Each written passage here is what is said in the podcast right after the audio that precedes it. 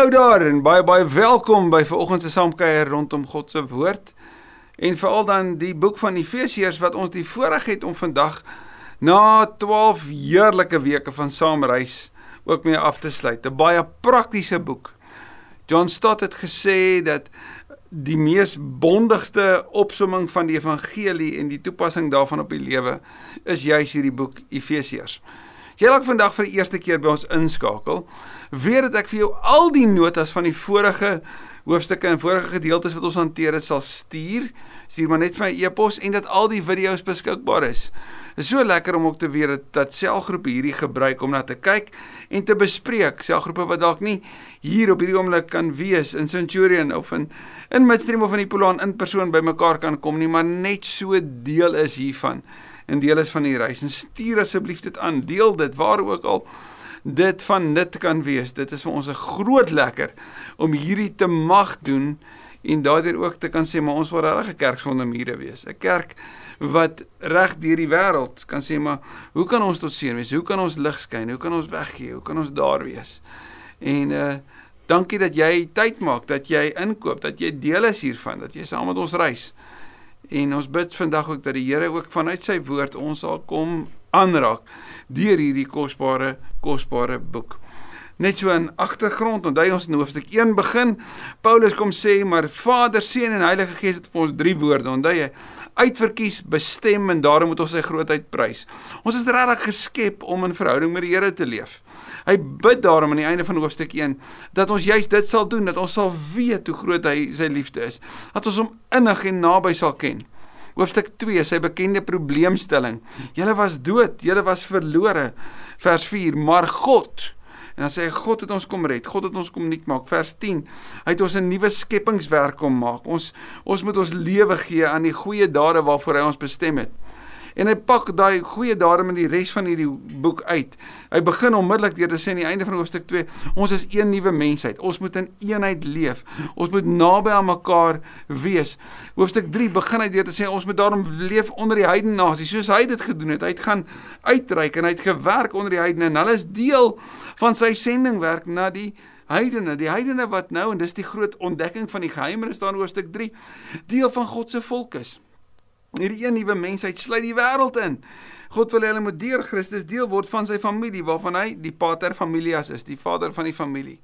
Aan die einde van hoofstuk 3 sê Paulus maar ek bid hierdie nuwe mensheid wat wat nou een groep is, wat een familie is, wat God se geheimenis verstaan in Christus dat dat ons God se liefde sal ken dat ons sal verstaan hoe wyd en ver en hoog en diep sy liefde is.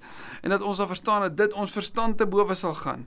En hy bid dat ons heeltemal vervul sal word met die volheid van God met die groot beskrywing dan op die liefde. Hoofstuk 4 begin hy deur te sê maar ons is een kerk, ons het een Here, ons het een doop, een God en Vader van almal.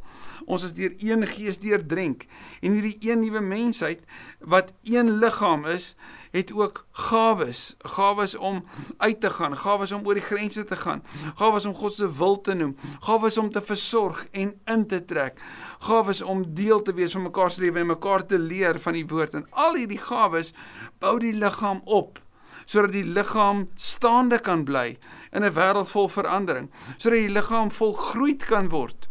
En en dan in hoofstuk 4 begin hy dan met goed, maar hierdie een nuwe mensheid moet ook nuut leef. En daar's riglyne vir 'n nuwe lewe. Dat jy die ou lewe sal aflê en die nuwe lewe sal aankleef en sal aangryp en sal leef. Nuwe taal, nuwe woorde, nuwe optrede, nuut leef in verhoudings. En hy hou aan in hoofstuk 5 om te sê, maar ek wil julle herinner dat julle een nuwe mensheid is, dat hierdie nuwe lewe pas by die geloofsfamilie en dat gelowiges dit dan ook by die huis moet leef. En in hoofstuk 5 die tweede deel het hy vir ons kom sê maar manne en vroue moet teenoor mekaar onderdanig wees. Hipotasso, soos Christus moet 'n man sy vrou lief hê en 'n vrou moet haar man respekteer. En hierdie eenheid van liefde en respek word die eenheid van die verhouding tussen man en vrou. Een verhouding, een eenheid van liefde en respek teenoor mekaar binne in 'n wêreld wat so anders is. Man en sy vrou aankleef, 'n vrou wat haar man aankleef, soos wat die liggaam van Christus een is.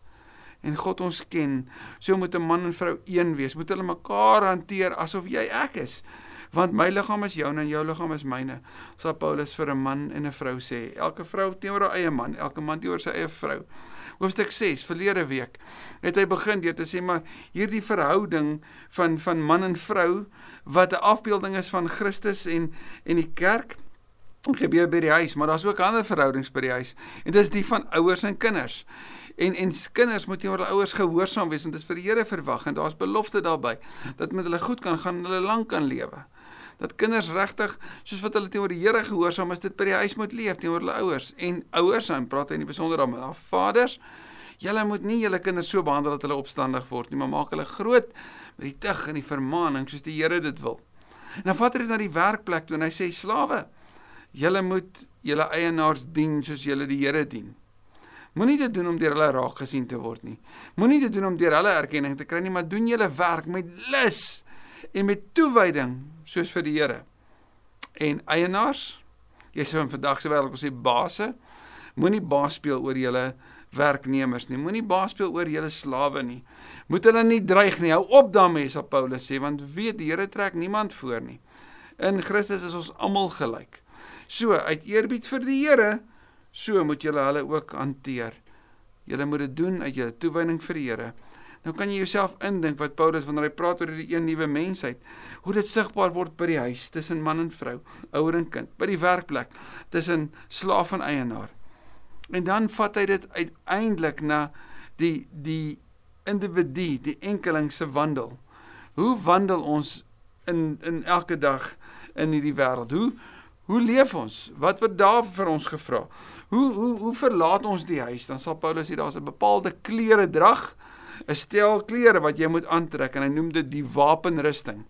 Dit is die van 'n Romeinse soldaat en hou hom voor oop, daai beeld van 'n soldaat wanneer ons prakties ook kyk na wat dit vir ons beteken. Kom ons bid dat die Here dit ook sal seën. Vader as ons so in kort praat oor Efesiërs dan besef ek net daar's so baie wat ons al gedek het in die laaste 12 weke. Dankie vir die voorreg om vandag op 'n hoogtepunt af te sluit.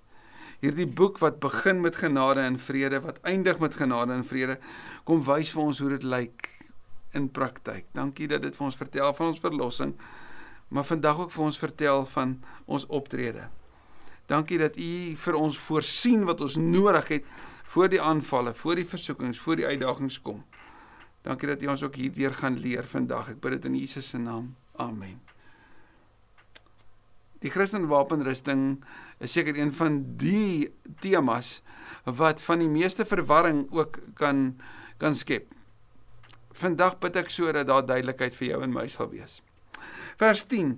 Verder nog dit sê Paulus. Soek julle krag in die Here en in sy groot mag. Hierdie woord krag kom sê Paulus daardeur dat die krag wat jy nodig het vir hierdie lewe gaan jy nie alleen regkry nie. Jy is ook nie bedoel om die lewe alleen te leef nie. Jy leef dit saam met die Here en soek daarom jou krag in die Here. Wanneer jy nie weet byvoorbeeld hoe om by die werk of by die huis op te tree nie, jy's moedeloos verby. Sê Paulus dit, soek jy krag in die Here en onthou in sy groot mag Onthou Paulus het vroeër vir ons gesê dat God se heerlikheid en God se mag word bymekaar gesit. En nou kom sê hy weer, gaan soek dit daar. Hoe doen ons dit? Natuurlik doen jy dit bidend. Dis hoe jy dit mos sal soek. En daarom vers 11 trek die volle wapenrusting aan wat God julle gee sodat julle op julle pos kan bly ondanks die listige aanslag van die duiwel. Eerstens sê Paulus Die beeld wat hy gebruik is die van 'n Romeinse soldaat wat vir die mense in Efese 'n baie bekende beeld wat hulle daagliks sou sien. Dit sou vir hulle dit wees. Hulle sou weet hoe lyk 'n soldaat, hoe hy aangetrek en nee, hy beskryf nie elke liewe detail van die klere drag van 'n Romeinse soldaat nie. Hy beskryf byvoorbeeld nie die dolk wat hy by hom gedra het of die langer swaard nie. Dit is baie prakties op die belangrike dele en en hy pas dit prakties toe. En is belangrik vir jou en my om te weet dat wanneer Paulus hieroor praat, praat hy nie oor die geestelike oorlogvoering wat later inhoud gekry het deur die eeue heen nie. Hy praat oor hoe jy prakties dit kan leef. En sy verwysing is om te sê soos 'n soldaat in in diens van Rome optree en geklee is, soos jy as gelowige in diens van God is jy geklee en moet jy optree in hierdie wêreld. Want jy het 'n vyand. En die vyand van van die gelowiges is die duiwel en waarmee is hy besig? Hy's besig met listige aanslae, met gevaarlike dinge wat daarop is om jou vreugde te steel in jou verhouding met die Here te te beïnvloed. Maar hierdie beeld van wapenrusting is nie net nie in die Nuwe Testament nie. Dit kom daai Jesaja 59 uit vanaf vers 17 en gaan lees dit gerus. Paulus sê hierdie klere wat jy aantrek, hierdie wapenrusting, help jou om jy op jou pos te bly. So ek en jy het 'n plek om in te neem. Ek en jy het nodig om op ons pos te wees elke dag. En om dit te kan doen, soek jou krag in God en trek hierdie aan. Onmiddellik om sê Paulus vir die gelowiges, maar hier's jou stryd en dis nie teen vlees en bloed nie. Dis nie teen mense nie dis teen 'n 'n hoër krag of 'n ander tipe krag. En in die wêreld van die Bybel het die Jode regtig geglo dat daar engele is wat wat mense beïnvloed om verkeerde dinge te doen. So ook hier in Hak Paulus met daai beeld aan. Hy sê ons stryd en die woord stryd daar kom uit die uit die Griekse wêreld wat jy gesien het byvoorbeeld by die Itmiese spele is 'n stoei. Dis wanneer iemand naby kom en daar is kontak en daar word gestoei, hierdie wedywering heen en weer. Hy sê ons stryd. Ons stoei met ander woorde teen sterk teenstand. Palei, dis die woord. Is nie teen vlees en bloed nie, maar teen elke mag en gesag, teen elke gees wat heers oor hierdie sondige wêreld, teen elke bose gees in die lig. Nou as Paulus Jesus beskryf dan sê Jesus is bo dit alles. Hy's die Here bo dit alles. Maar dit maak nie dat ons nie blootgestel word teen boosheid, teen aanvalle, teen hierdie magte en kragte nie. En en en hoe gaan jy dit doen? Paulus sê om teen dit staande te bly, trek daarom die volle wapenrusting aan wat God aan julle gee. Dis iets wat God voorsien te midde daarvan sodat jy weerstand kan bied in die dag van onheil. Nadat jy die stryd tot die einde gevoer het, nog op jou pos kan bly staan. So eerstens, gaan staan op jou pos. Tweedens, hier kom aanvalle. Derdens, te midde daarvan trek jy hierdie aan en bied jy weerstand. So jy gee nie toe nie en jy gee nie bes nie. Jy verloor nie grond nie. Die koninkryk van God word verduidelik en beskryf as 'n koninkryk wat die wat die hekke van die hel stormloop. Nou hekke is plekke wat jy beskerm, dis wat jy toemaak. So jy gaan nie net na die slagveld toe nie, jy gaan verder na die oor na jou teenstander se blyplek toe en jy gaan daar. Dis wat die koninkryk van God moet doen. Dis die krag van lig wat beweeg te midde van duisternis. Paulus kom sê dat wanneer jy hierdie het, dan gaan jy nadat die stryd gevoer is. As die stof gaan lê het, gaan jy die kerk sien staan. Die kerk gaan daar wees. So, trek daarom die volle wapenrusting aan sodat jy staande kan bly. Vers 14 en kyk hoe prakties raak hy. Bly dan op julle pos. Toegerus met die waarheid as gordel om julle heupe. Hierdie hierdie gordel was 'n 'n leerband gewees wat die boonste en die onderste dele van van hierdie wapenrusting bymekaar gehou het die boonste kleed en die onderste jurk het bymekaar gehou van hierdie soldaat. Nou dis belangrik want wanneer hy praat van die waarheid, dan is dit die waarheid dat Jesus opgestaan het, die waarheid van die evangelie. Jesus noem homself in Johannes 14 vers 6 die weg, die waarheid en die lewe. So die waarheid is 'n persoon. Die waarheid is sy redding. Die waarheid is hierdie boodskap van hoop wat as God se geheimenis nou duidelik geword het, geopenbaar is dat God se redding vir die ganse wêreld is en dat hulle wat in Jesus glo inkom en deel word van hierdie een nuwe mensheid. Dan noem hy die vryspraak as borsharnas. Hierdie borsharnas was 'n was 'n stuk leermateriaal wat vasgemaak is aan metaalplaat wat voor die bors van 'n soldaat vasgemaak sou word. Nou hierdie borsharnas het al die aanvalle wat gerig was op die hart en die longe, dis waar 'n soldaat op sy brooste was. Dis ook 'n aanval van vooraf om hom daar te beskerm. Nou as ons dit bietjie dieper sou lees, waar voel jy? Ons praat ons van jou hart. Waar word ek en jy aangekla? Waar voel ons skuldig? In die hart. Nou wat beskerm ons? Baie prakties. Die vryspraak. Ek is vry. Wat sê Romeine 8? Daar's geen veroordeling meer vir my vir die wat in Christus is, vers 1 nie. So ek herinner myself die heeltyd ek is vry. Iemand het op 'n keer gesê, if the devil reminds you of your past, you remind him of his future. So ek en jy word gereeld herinner aan dit wat ons diskrediteer. Dit wat maak dat ons nie nou hier gelig kan wees nie. Hoe kan jy as 'n Christen dit en dit sê as jy so en so gemaak het? Nee, ek is vry. Ek het bely. Ek is nuut. Vers 15.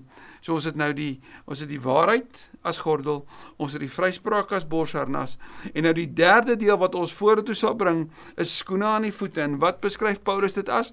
die bereidheid om die evangelie van vrede te verkondig as skoene aan die voete. So dis nie net 'n soldaat wat staan nie. Dis nie net 'n soldaat op my pos nie.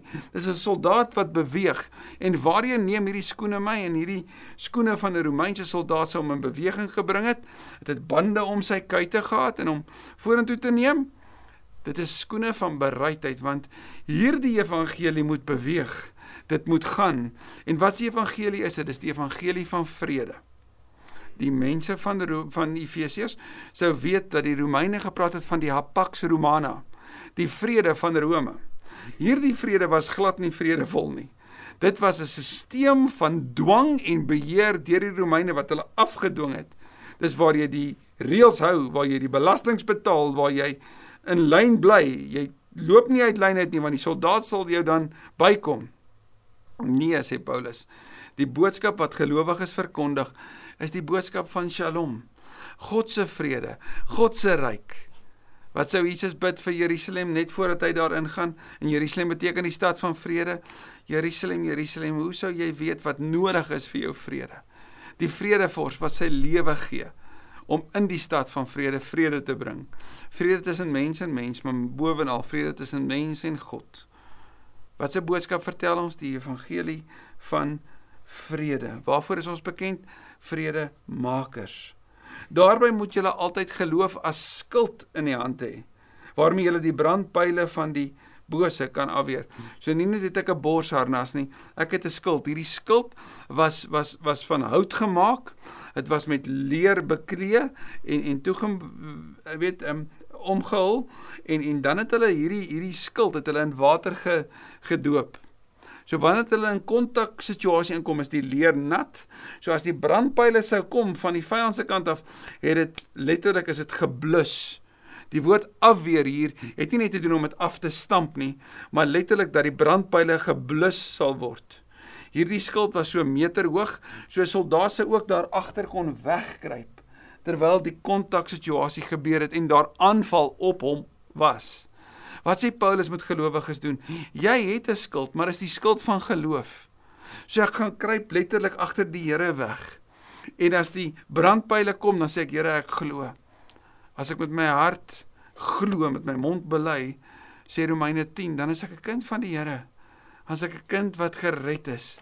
So ek gaan kruip weg en ek sê Here, al is die aanvalle baie, al is die onsekerheid baie, al is hierdie kontaksituasies vir my gewelddadig, ek glo en dit sal die aanvalle blus. Ek sal dit kan afweer. En dan sê Paulus, so ek het 'n ek het 'n gordel, ek het 'n borsharnas, ek het skoene aan die voete, ek het 'n skild. Dan sê Paulus, maar jy het nog iets anders wat jou gaan beskerm. En dit is 'n hel, helm. En wat is hierdie helm? Die helm wat die gedagtes beskerm van van die soldaat. Paulus sê dis die helm van verlossing. En ons denke is so belangrik. Ek wil Romeine 12 vers 1 en 2 praat van ons moet ons liggame gee as offers en ons moet God toelaat om wat ons denke te vernuwe. Ons het nuwe denkpatrone nodig. En wat moet ek dink? Ek moet dink soos 'n verloste. Sit verlossing as helm op. Daarom sê Paulus vir die gemeente in Korinte sê: "Neem die gedagtes gevange en bring dit ondergeskik aan Christus. So dit wat in my gedagtes inkom, is nie per se sonde nie, dis wat ek daarmee doen. So dan maak ek dit ondergeskik aan Christus, want ek het verlossing as helm op. Wat sê Paulus vir die gemeente in Filippi?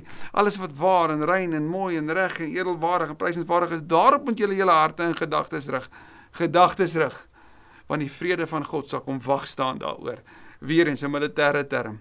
So sit verlossing as helm op. En al hierdie tot nou toe het te doen met 'n wapenrusting vir verdediging. So nog niks te doen met geestelike oorlogvoering nie.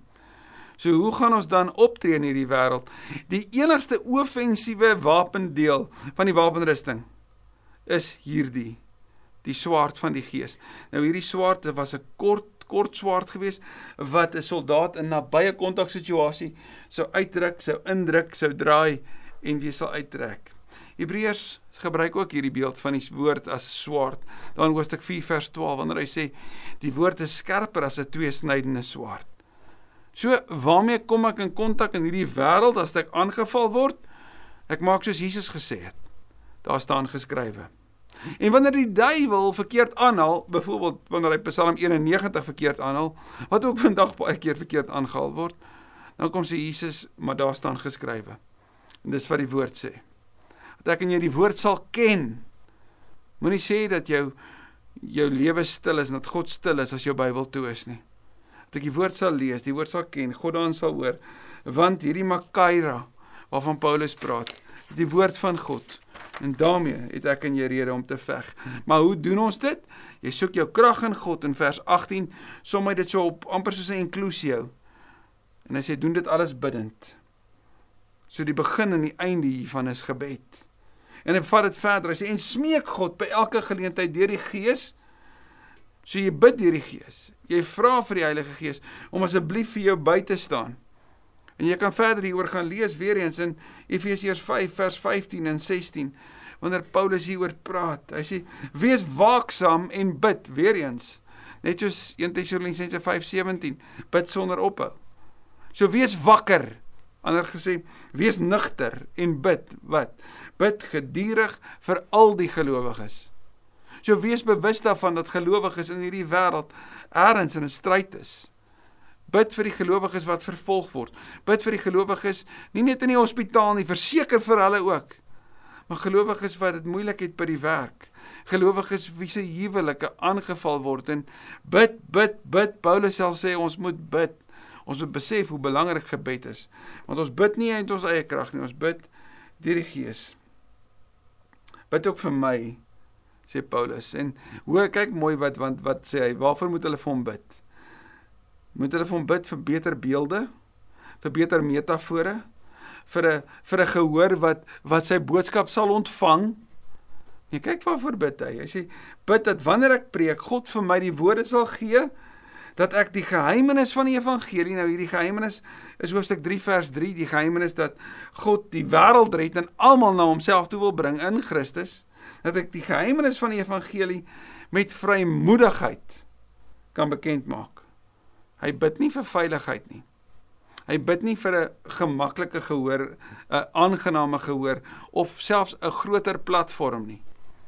Hy bid dit wanneer hy oor die evangelie moet praat, hy getrou sal wees en dat hy dit met vrymoedigheid sal doen. Vrymoedigheid ongeag wat ook al met hom gebeur, omdat hy vry is in Christus.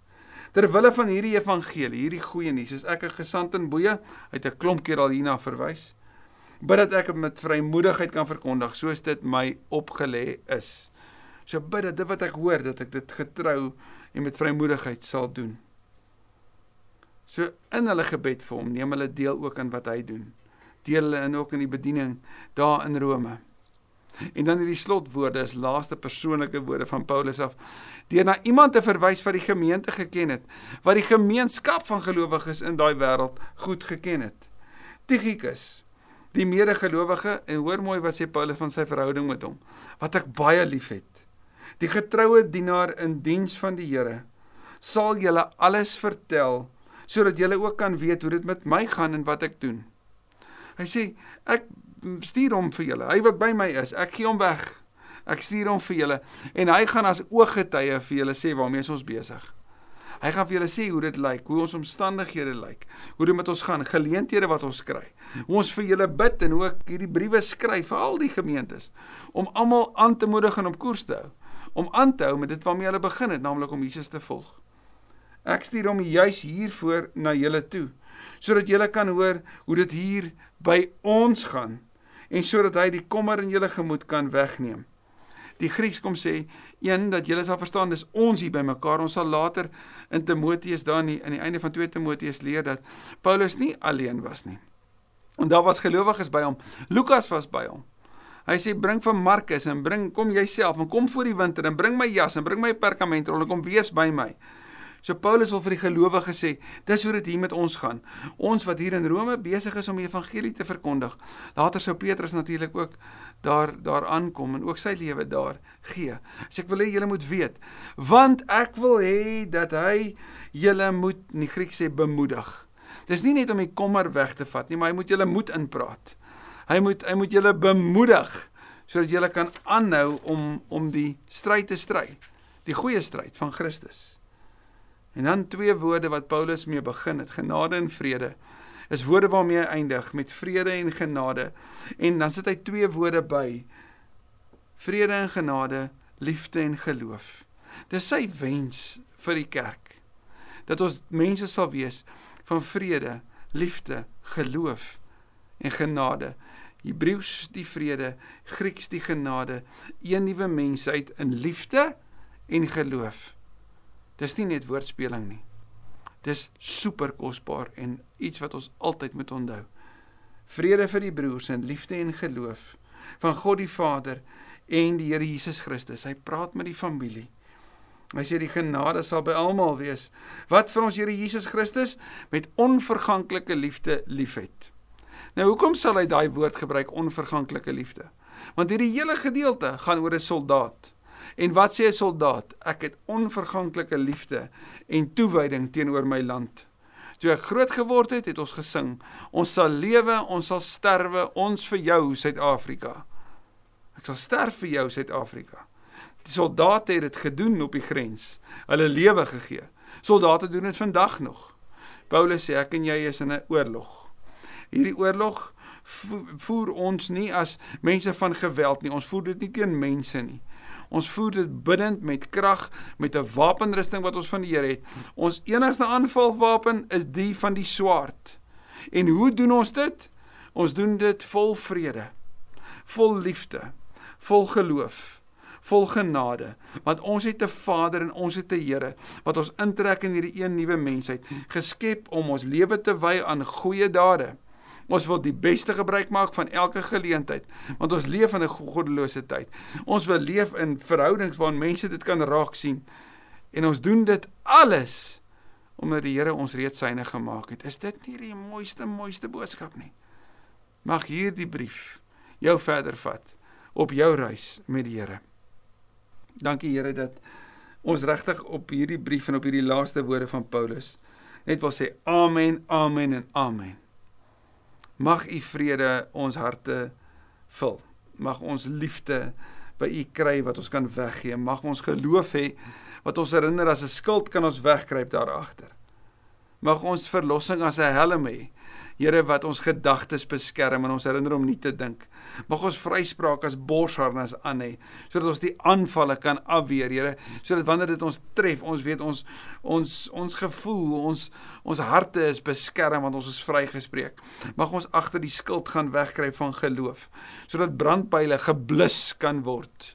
Sodat dit nie meer kan bestaan nie, dit nie kan smeul nie, maar geblus kan wees. Mag ons skoene aan die voete hê wat sê ek's bereid om te gaan. Mag ons weet ons het die waarheid as 'n gordel wat alles bymekaar hou want Jesus het opgestaan en mag ons vorentoe beweeg met die swaard van die Gees. Here, en ons doen dit alles bidtend. En ons bid, Here, omdat U ons reeds U sin gemaak het, dat ons alles in ons vermoë sal doen, alles in die stryd sal, sal sal sit om dit alles ons in te maak. Om regtig bewus te wees van wat dit alles vir ons beteken. Hierdie groot geheimnis hierdie diep nuwe mensheid, u herskepingswerk in ons wêreld. Dankie dat u ons uitverkies het, dat u ons bestem het dat ons daarom u grootheid kan prys in Jesus se naam. Amen. Amen. En as die Here wil, dan skop ons volgende week met 'n splinter nuwe boek af. Moet dit nie misloop nie. Baie mooi dag vir jou.